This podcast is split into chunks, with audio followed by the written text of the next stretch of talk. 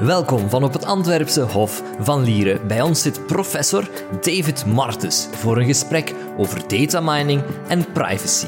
Wij zijn Jana en Lothar. U luistert naar Profcast. Dag David, of is het David? Uh, ja, het is David. De mensen die mij kennen noemen mij David. Oké, mag ik David dan Zeker, zeggen? voilà. Uh, jij bent onze expert in big data. Kan je even uitleggen wat we hieronder moeten verstaan? Ja, zeker. Ehm, big data is eigenlijk het, het zoeken naar patronen in data. Dus tegenwoordig hebben we overal veel data. Er zitten heel interessante dingen in verscholen. En met data mining eigenlijk, big data, ga je die patronen proberen te zoeken op een automatische manier. Dus de computer zelf, algoritmes, gaan zoeken naar wat zijn de patronen daarin. Nu, wat zijn patronen? Uh, bijvoorbeeld voorspellingsmodellen. Um, denk bijvoorbeeld aan een bank. Dat probeert te voorspellen of je kredietwaardig bent. Dus als je een lening gaat aanvragen, is er een data mining model dat gaat voorspellen, wel, kan jij dat terugbetalen, ja of nee, en moet je dus een lening krijgen.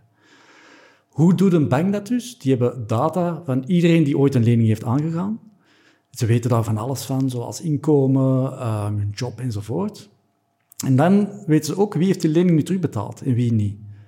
En dan ga je met data mining zoeken naar automatisch, wat zijn nu de patronen erin? Dus hoe verschilt degenen die hun lening hebben terugbetaald van degenen die dat niet hebben terugbetaald? Bijvoorbeeld, heb je een laag inkomen um, en ben je een arbeider, dan is de kans groter dat je lening niet kan terugbetalen. Dat zijn soort patronen. En dus met zo'n algoritme ga je dat automatisch zoeken. Nu, dat is eigenlijk data mining dat ik heb beschreven. Big data is een klein beetje anders, maar die, die termen die veranderen eigenlijk constant. De, de core blijft hetzelfde, dat is eigenlijk het data mining, het zoeken naar patronen in data. Maar die, die termen die gebruikt worden, ieder zoveel jaar veranderen die een beetje. Um, vaak is dat omdat er een, een, nieuwe technologie ontstaat, die, die, die eigenlijk leidt tot die nieuwe benaming. Maar in de core blijft hetzelfde. En hoe pas je dan die big data toe in bedrijven juist? Ja, dus bedrijven, daar heb je dus vaak heel veel data zitten. Dus we hebben digitalisatie gehad, waar de afgelopen decennia toch vrij veel over gezegd geweest is. Maar veel bedrijven zijn daardoor. En dus door al die digitalisatie is er nu enorm veel data ter beschikking gekomen. Ieder contact met je klant, ieder, ieder item dat je aangeklikt wordt, ieder product dat gekocht wordt, alles wordt tegenwoordig opgeslagen. En daar komt dan data mining tevoorschijn. Wat kan je nu met al die data gaan doen? En daar kan je dus ongelooflijk veel mee gaan doen, omdat je kan nu gaan dingen gaan doen die je voordien niet kan doen. Um, stel je nu voor dat je bepaalde beslissingen heel vaak moet nemen, zoals een bank bijvoorbeeld voorspellen of dat ik je lening moet toekennen, ja of nee. Een bank moet dat heel veel doen. Stel dat je nu die beslissingen een klein beetje beter kan doen, omdat je nu data hebt. Je kan het een klein beetje accurater doen. Ja, dan zie je direct dat het een enorme impact heeft op het bedrijf, op de bottom line, omdat je die dingen gewoon veel beter kan doen. En dat zie je zo in veel sectoren, dat uh, data mining op dit moment al heel matuur is, maar je ziet dat het eigenlijk overal zal gebruikt worden op termijn. Zoals je daarnet al zei, in banken wordt het dan heel vaak gebruikt. Um, gaan er dan nog wel werknemers nodig zijn in de toekomst? Of wordt het allemaal overgenomen? Ja, um, ik denk er zijn zeker heel wat werknemers nodig bij banken buiten het, het beslissingsnemend proces. Er is heel veel regulatie rond en wat nog allemaal. Maar rond het beslissingsnemen zelf zeker wel. Want je hebt dus die, die modellen eigenlijk, die, die voorspellingen maken op basis waarvan beslissingen genomen kunnen worden. Maar het is belangrijk dat er altijd een human in de loop is. Dus het, is, het ene extreem is dat je geen data gebruikt. En dan is het het concept wat ze HIPPO noemen, de highest paid person uh, opinion. Dus stel er moet een beslissing genomen worden, je zit in een kamer, vaak is de persoon met het hoogste loon dat die uiteindelijk de, de beslissing neemt. En daar wil je een beetje vanaf natuurlijk. Je wilt gewoon, wat is de beste beslissing, het meest juiste? En daarvoor ga je data gebruiken. Welke beslissing zien we op basis van data is de beste beslissing? Maar je wilt nog altijd ervaring gebruiken van mensen om die beslissing mee te sturen. Die modellen zijn niet altijd accuraat. Soms zijn er dingen die gewoon fout zijn. En dus zo zie je ook in banken, heb je daar creditcomité's, die, je hebt overruling dat mogelijk is, om die beslissingen te gaan overrulen en te zeggen, nee, nee, ik begrijp waarom het model dat denkt, maar hier is een speciale situatie en we gaan dat overrulen. Um, en daarnaast heb je natuurlijk ook het ethische aspect dat enorm belangrijk is. Hoe ga je nu om met die data? Uh, hoe ga je om met die beslissingen enzovoort? Dus het is eerder een hulpmiddel. Ja, zeker. Dus data wordt een hulpmiddel uh, in de meeste bedrijven, maar belangrijk ook, data kan echt leiden tot een competitief voordeel. Dus data wordt nog veel te veel gezien als zo een, soort necessary evil, zo, zoiets, oh, zoiets IT-achtig. We moeten daarmee werken, die, die data is meestal, klopt die niet helemaal. Dat is veel werk voor techneuten in de kelder. Maar eigenlijk moeten we shiften naar data is een asset. Is iets super waardevol waar je fantastische dingen mee kan doen. Robinhood kennen jullie waarschijnlijk. Dat is die app waar je gratis kan transacties doen. Waarom is dat gratis? Omdat die data verkocht wordt. Dus Robinhood doet zelf die transacties niet, maar verkoopt al die orders aan, aan andere partijen, die dan door hedge funds bijvoorbeeld gebruikt worden, omdat die willen zien, oké, wat is heel die Robinhood-markt allemaal aan het doen, om basis daarvan zelf een positie in te nemen. Um, zo zijn er enorm veel voorbeelden van de, de waarde van data en dat dat echt kan leiden tot een competitief voordeel. Dat je echt, het is meer dan iets helpen enkel in beslissingen, als je er creatief over nadenkt, dan, dan kan je echt zien van, wat kunnen we hier nog allemaal mee doen om bijvoorbeeld nieuwe bedrijven te starten. Een van de onderzoeksthema's van David is het minen van gedragsdata. Dus gedragsdata is alle data dat bewijs is van acties die je onderneemt. Terwijl dat je door de digitale wereld loopt van vandaag, um, doe je allerlei acties. Je klikt op iets. Um, je doet een betaling, je bezoekt een locatie. Dat wordt allemaal opgeslagen. En nu is de vraag van, hoe kan je al die data gaan gebruiken om dingen te gaan voorspellen? En er is zo'n bekende paper van, van Kozinski, die bijvoorbeeld zei van op basis van Facebook-likes kan je allerlei persoonlijkheidskarakteristieken gaan voorspellen. Het is op basis van die paper dat ook Cambridge Analytica verder uh, ontstaan is. Um, wij zelf zijn bijvoorbeeld bezig, hoe kan je nu betalingsverkeer gebruiken om zo'n persoonlijkheidskarakteristieken te gaan voorspellen? Dat is onderzoek van Janou Ramon en, en werken voor mee samen met Columbia University. En daar werkt dat ook supergoed. Dus die, die, al die acties samen leiden dat, dat je heel accuraat allerlei dingen over jou kan gaan voorspellen. En dus wij werken, hoe ga je daar algoritmes voor ontwikkelen? Want als je een Excel-sheet zou gieten, dan heb je miljoenen unieke pagina's die je bijvoorbeeld kan liken op Facebook. Of, of miljoenen rekeningnummers aan wie je kan betalen. Dus er zijn miljoenen kolommen. Je hebt typisch data van miljoenen mensen. dat is een gigantische dataset. Hoe ga je daarmee om? Dus daar bouwen wij specifiek algoritmes voor om dat te doen. En je had het daarnet ook over advertenties op Facebook. Um, wij kunnen zelf als gebruiker ook aanduiden van ik wil deze advertentie niet meer zien. Helpen wij dan eigenlijk om de algoritmes beter te maken? Of hoe gaat dat juist in zijn werk? Het algemene, het concept is eigenlijk alles wat je doet op Facebook maakt die, maakt, maakt die modellen beter. Dus als jij zegt ik wil dit niet zien, ja, dan leert Facebook ook weer iets over jou. Dus alles maakt, maakt die zaken beter. Um, het, het kan de modellen ook leren van oké, daar is geen interesse in of, of, of, of dat soort uh, advertenties wil je gewoon niet zien. Dus daardoor inderdaad leert het algoritme ook van oké, dit niet, dus we gaan een ander soort advertenties gaan tonen. Dus absoluut waar, maar het algemene concept is alles, alles wat je doet, ook online, uh, helpt. En dat is iets dat we in ons eigen onderzoek hebben gezien ook. We hebben daar een paper rond, uh, is bigger better? En bigger data is echt beter voor gedragsdata en voor um, speech recognition en dan ook voor images. Dus hoe meer foto's je hebt, hoe beter die voorspellingsmodellen worden. Dus je ziet dan ook dat alle innovaties van Facebook en Google komen, die hebben enorm veel data. Als startend bedrijf kan je daar gewoon niet tegen opboksen. Want, waarom? Want de waarde zit in de data. Dus de software tegenwoordig, al die algoritmes zijn gratis ter beschikking. Facebook en Google zelf ook. Hè. Al dat deep learning, je kan dat gewoon zelf downloaden en gebruiken. Hardware, super goedkoop in de cloud.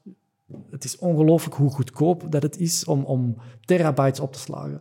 Maar die data, dat is niet gratis en dat is waar dat de waarde zit. En dus hetzelfde met, met Facebook en Google. Alles wat je daar klikt, daar halen ze superveel data uit. Die ene klik niet, maar die honderden, duizenden kliks van jou en die miljarden kliks van andere mensen samen maken dat zij op een enorme goudmijn zitten. Kunnen kleine bedrijven dan nog wel concurreren met die grote? Wel moeilijk, tenzij je echt creatief en innovatief bent. Zo is er bijvoorbeeld in, in de VS ehm, studenten van MIT die zijn foto's gaan nemen van kroppen sla. Allemaal kroppen sla op velden.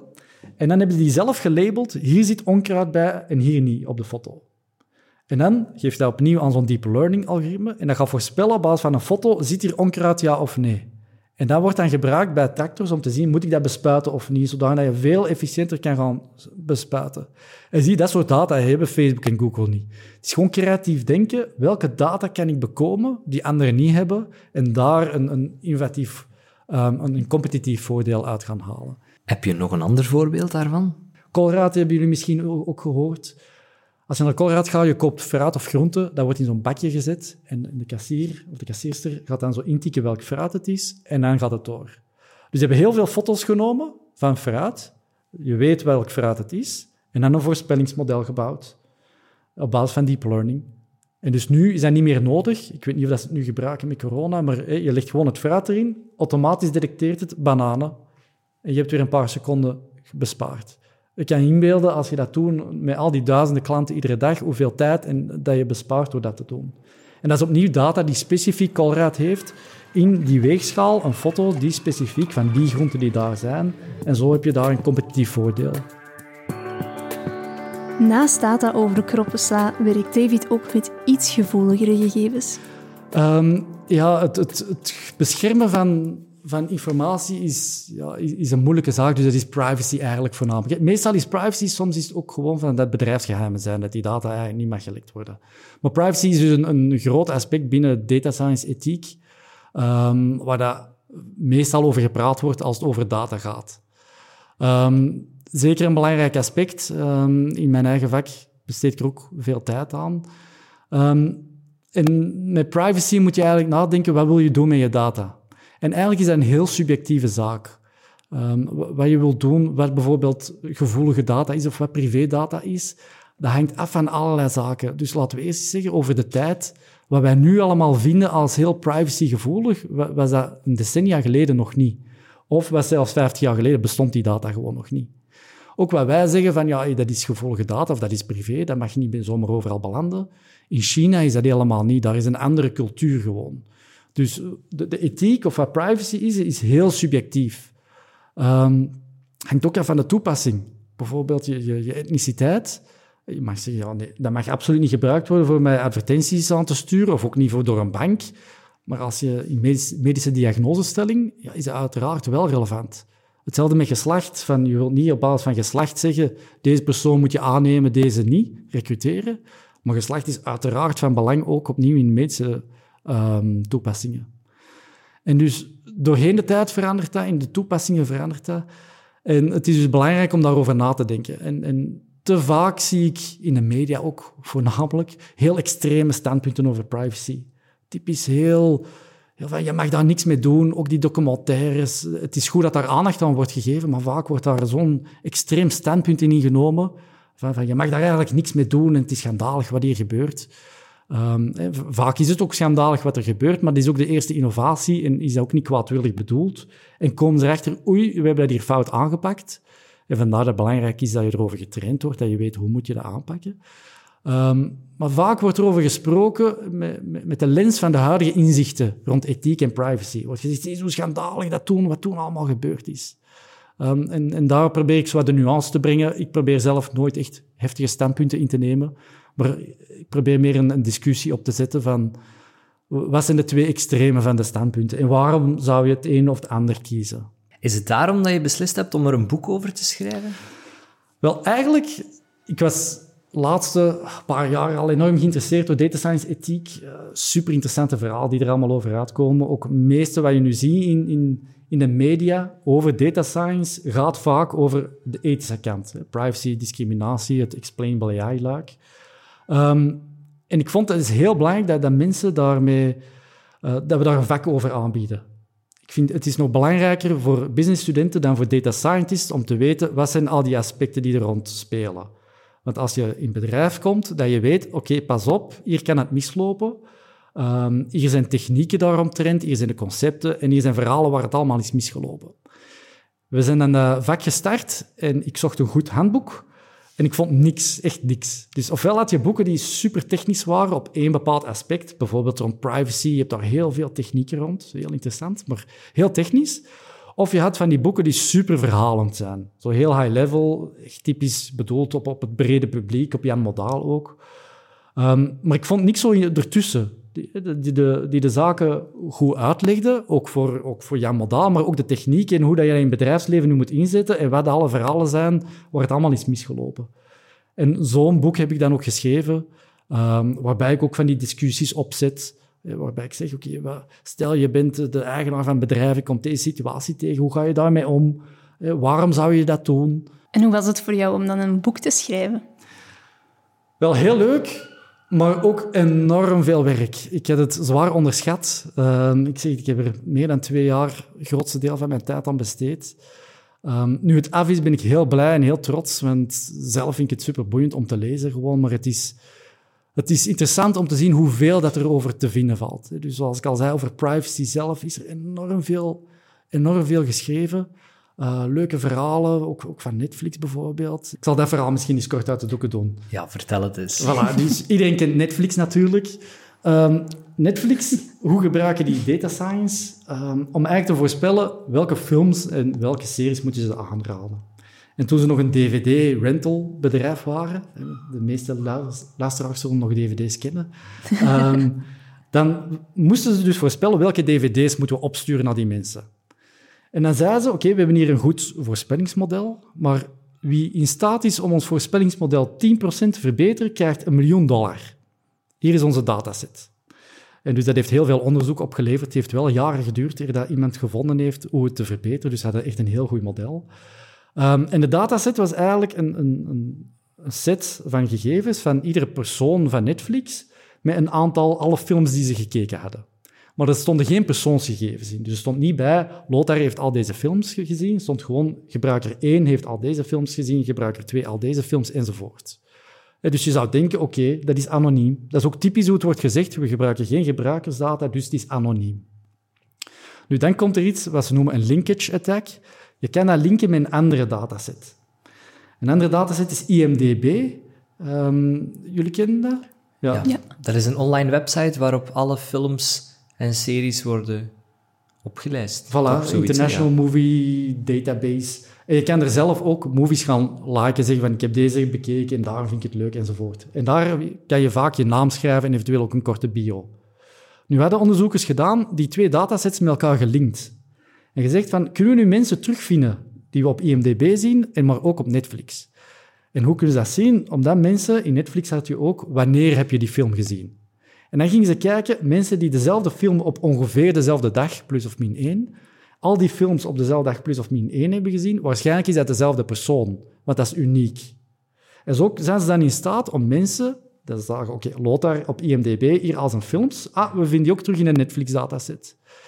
En wat blijkt nu, in die Netflix-dataset zijn er sommige films die je gekeken hebt, maar die je niet wilt uh, publiek maken dat je die gezien hebt. Waarom? Omdat die bijvoorbeeld heel duidelijk maken dat je christelijk bent. Of heel duidelijk maken dat je lesbisch of homoseksueel bent. Ah, of zelfs je politieke guilty, voorkeur. Nu dacht ik eerder aan de guilty pleasures of zo. Ah, ja, dat kan ook. Maar dat, is, dat kan ook zijn. Dat is inderdaad ook iets maar minder erg eigenlijk. En Netflix was dan van plan om eigenlijk een tweede prijs te starten, opnieuw zo'n datasetprijs te geven. Maar dan heeft een vrouw, Jane Doe, we weten haar identiteit niet, maar is een vrouw met, die getrouwd is met kinderen en een lesbische vrouw die nog niet uit de kast is gekomen en die heeft een rechtszaak aangespannen. En die zegt, als mijn data zou van Netflix ter beschikking komen, zou mijn geaardheid naar boven komen. En, en ze heeft die, de rechtszaak is uiteindelijk gesetteld en er is geen tweede prijs gekomen, net omdat, omwille van die privacy issues. En zo zijn er verschillende verhalen waarbij blijkt van als je gewoon de identifiers weghaalt, dan ben je er totaal niet. Dat is iets dat zoveel bedrijven, ik zie het zelfs met technologie-startups, die zeggen, ja, we hebben anonieme data. En dat klopt gewoon niet. Het is pas anoniem als je zeker weet dat je een persoon niet kan gaan terug heridentificeren. Ook niet als je er andere data gaat bijtrekken. Want er wordt ook onderzoek naar gedaan binnen het informatica- en wiskunde-departement allicht van de Universiteit Antwerpen. Wat is de verhouding tussen dan de, onze bedrijfseconomische poot en die wiskundig-informatieve poot? Ja, zij werken vaak theoretischer. Um, dus puur van, van de, theorie van de algoritmes, proberen ook vaak met bewijzen te komen. Um, iets minder interesse, en ik weet niet of het klopt, hè. dus nu, nu zeg ik wat ik denk, hè, hoe ik het zie. Iets minder interesse in pure toepassingen, uh, hoewel dat hier natuurlijk bij komt om te valideren. Hè. Ze hebben ook een nieuw algoritme, dan moeten ze zien, ja, werkt dat wel? En, en zo de toepassing. Waar wij meestal vertrekken van een, een probleem in de bedrijfswereld en daar dan algoritmes voor bedenken. Um, dus bijvoorbeeld in Explainable AI zijn wij ooit gekomen met een, een verklaring, counterfactual explanation noem het, ehm, waarbij dat we individuele voorspellingen proberen te uit te leggen. Van waarom word jij voorspeld als niet kredietwaardig? En dan zeggen wij, oké, in plaats van heel dat model uit te leggen, laten we die ene beslissing proberen uit te leggen. En in counterfactual zeggen we, wat moet er veranderen opdat uw beslissing verandert? Dus als uw inkomen wat hoger was um, en uw jobfunctie was iets anders, dan verandert uw voorspelling naar kredietwaardig. Dus dat is hetgeen dat moet veranderen. Nu, hoe kwamen we erop? Uh, ik heb in New York een tijdje samengewerkt met, met Foster Provost. En die was daar uh, medeoprichter van een bedrijfje um, omtrent um, safe advertising. En wat was daar het probleem? Je hebt uh, marketing, supercomplexe technologie die online gebruikt wordt, uh, real-time bidding enzovoort, een profcast op zichzelf. Maar heel veel van de advertenties die verschijnen op, op, op uh, websites, dat gebeurt automatisch. En dus je weet als adverteerder vaak niet op welke, op welke website je advertentie terechtkomt. Maar je wilt natuurlijk niet dat je advertentie op, op sites terechtkomt waar dat porno op is of hate speech. Dat wil je niet. Dus hoe kan je dat voorkomen? Eén manier is alle sites gaan bekijken en zeggen ja of nee, maar je ziet dat is niet schaalbaar. Wat is de andere manier? Opnieuw data mining. Je gaat zeggen, ik neem een paar duizend websites, ik zeg deze zijn oké, deze zijn niet oké, en ik maak een voorspellingsmodel dat op basis van woorden op een website voorspelt, is dat um, adult content, hate speech of wat dan ook. Nu, die modellen werken goed, maar die zijn heel complex opnieuw. Dus hoe kan je die uitleggen? En dat was het probleem waar dat we eh, op werkten. En zo zijn we gekomen met welke woorden, als je die weghaalt van de website, dan verandert de voorspelling. Bijvoorbeeld, interessant inzicht was, uh, als je de woorden welkom, enter en 18 van een bepaalde website wegneemt, dan verandert de voorspelling van uh, porno naar niet porno. En de reden is dat vaak op die, die pornosites die ze toen hadden, dat de eerste webpagina zei, welkom, door door te klikken bevestig je dat je 18 jaar bent. Een veelbesproken voorbeeld is, is in de VS, hebben ze zo'n voorspellingsmodel gebouwd om te voorspellen of een crimineel, of die opnieuw een crimineel feit zal plegen of niet. Dus recidivisme gaan voorspellen. Werkt goed, gebruiken ze in sommige rechtbanken in de VS echt. Dus de rechter krijgt die score, die voorspellingsscore, van wat is de kans dat die persoon opnieuw um, zal crimineel feit uh, plegen. Je hebt daar het issue opnieuw van explainable AI. Het wordt niet uitgelegd, het is gewoon een score dat typisch accuraat is. Um, en ze hebben daar, journalisten hebben daar eens onderzoek rond gedaan en bleek dat daar heel veel discriminatie in zat. Dus zwarte Amerikanen werden vaker voorspeld als waarschijnlijk recidivisme plegen, terwijl dat ze het niet zouden doen, dan bij blanke Amerikanen. En dus puur omdat dat in die historische data zo zit. David verwacht dat big data en deep learning een grote impact zullen hebben op de werkgelegenheid. Ja, dus de zelfrijdende auto's, dat is het typische voorbeeld. Als dat eraan komt, ja, alle buschauffeurs, treinchauffeurs, uh, treinconducteurs, die zijn allemaal hun job kwijt. Er wordt gezegd, ja, maar we hebben nog altijd te inladen en, en, er zijn nog andere taken die er gaan komen, maar die zijn gewoon veel, veel minder. Truckchauffeurs. Er zijn enorm veel mensen die hun job gaan kwijtraken je kan die niet allemaal in de horeca gaan steken of die gaan ook niet allemaal verpleger worden. Hoe ga je daarmee om? Dat is gewoon iets, iets, heel moeilijk. Nu, we hebben de luxe dat het allemaal zo snel niet gaat als was gevreesd of gehoopt. Dus de auto's, ze zijn er nog altijd niet. Maar als dat zover komt, ja, dat, dat zijn echt grote problemen. Plots zijn die allemaal hun job kwijt. Wat ga je daarmee doen? Wie gaat dat betalen? Dan zeggen ze universal basic income. Iedereen een basisloon geven is heel terecht. Daar, daar valt iets voor te zeggen. Um, maar dan moet de belastingbetaler dat gaan betalen. Waarom moet Amazon daar niet voor betalen? Die betalen amper belastingen. Waarom geen Amazon University bijvoorbeeld? Dat daar wordt geld in gestoken om al die mensen te gaan herscholen, om te kijken hoe gaan we daarmee omgaan. Wat is hun rol in die nieuwe economie?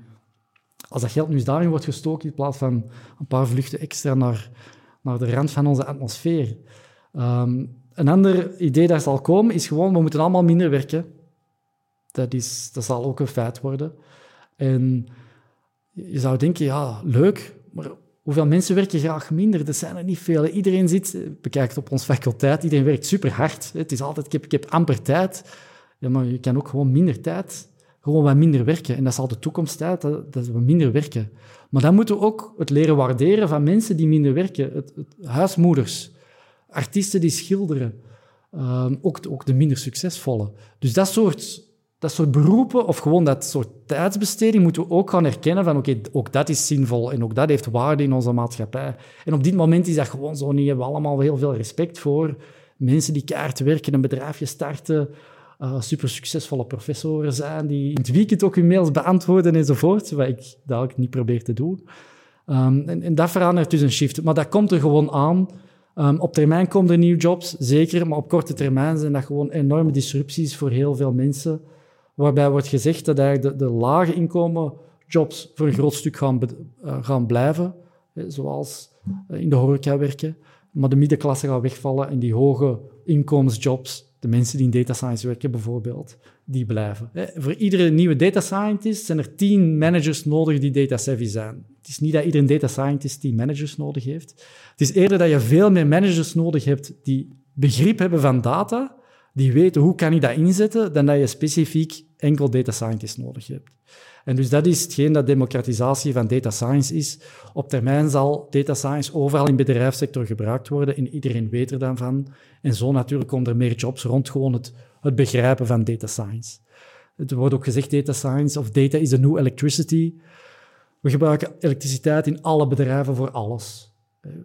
Iedereen weet hoe, dat je, hoe dat je dat moet gebruiken, je steekt dat in. En dat is dan ook de toekomst. Je gaat voor al je beslissingen ga je gewoon data gebruiken. Maar daarvoor moet je weten hoe dat je dat gebruikt. Hè. Zoals dat we leren hoe dat we een laptop gebruiken en tv aanzetten, gaan we leren hoe gaan we data gebruiken. En ik denk dat er komt nog meer en meer en meer nadruk op dat ethische kant. Dus ethische, kan, je, kan je uitleggen waarom? Dus één ding is gewoon dat mensen dat willen weten, bedrijven willen dat weten, maar ook de inzichten van erom. Oké, je kan dat nu voorspellen, maar waarom is dat? Kunnen we hier iets uit leren?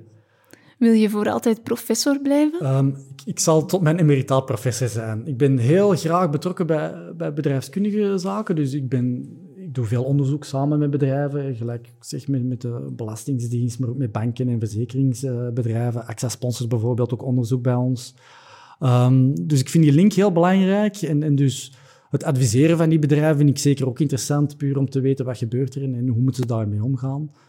Um, maar ik denk dat het, het prof zijn en nu het recent vaderschap mij lang genoeg te been zal houden om, om, uh, om gepassioneerd even bezig te zijn. En uh, alvast een herwerking van het boek waarschijnlijk, aangezien het uh, regelmatig verandert. Ja, exact. Dat is dat de uitgever ook zei. Van, uh, dit zal je waarschijnlijk om de twee jaar zal je dat moeten gaan aanpassen. En ja, ik moet het sowieso voor mijn lessen doen. Hè. Dus ik, er zal wel om de zoveel jaar zal er een nieuwe editie moeten geschreven worden. Maar dat is ook het leuke, het is, het, aanpassen van het boek. Met, nieuwe interessante technologie en nieuwe verhalen. Dus, uh, dus daar zie ik eigenlijk zelfs wel naar uit. Dit was Profcast met David Martens. Bedankt voor het luisteren. Wil jij meer horen? Surf dan zeker naar uantwerpen.be-profcast.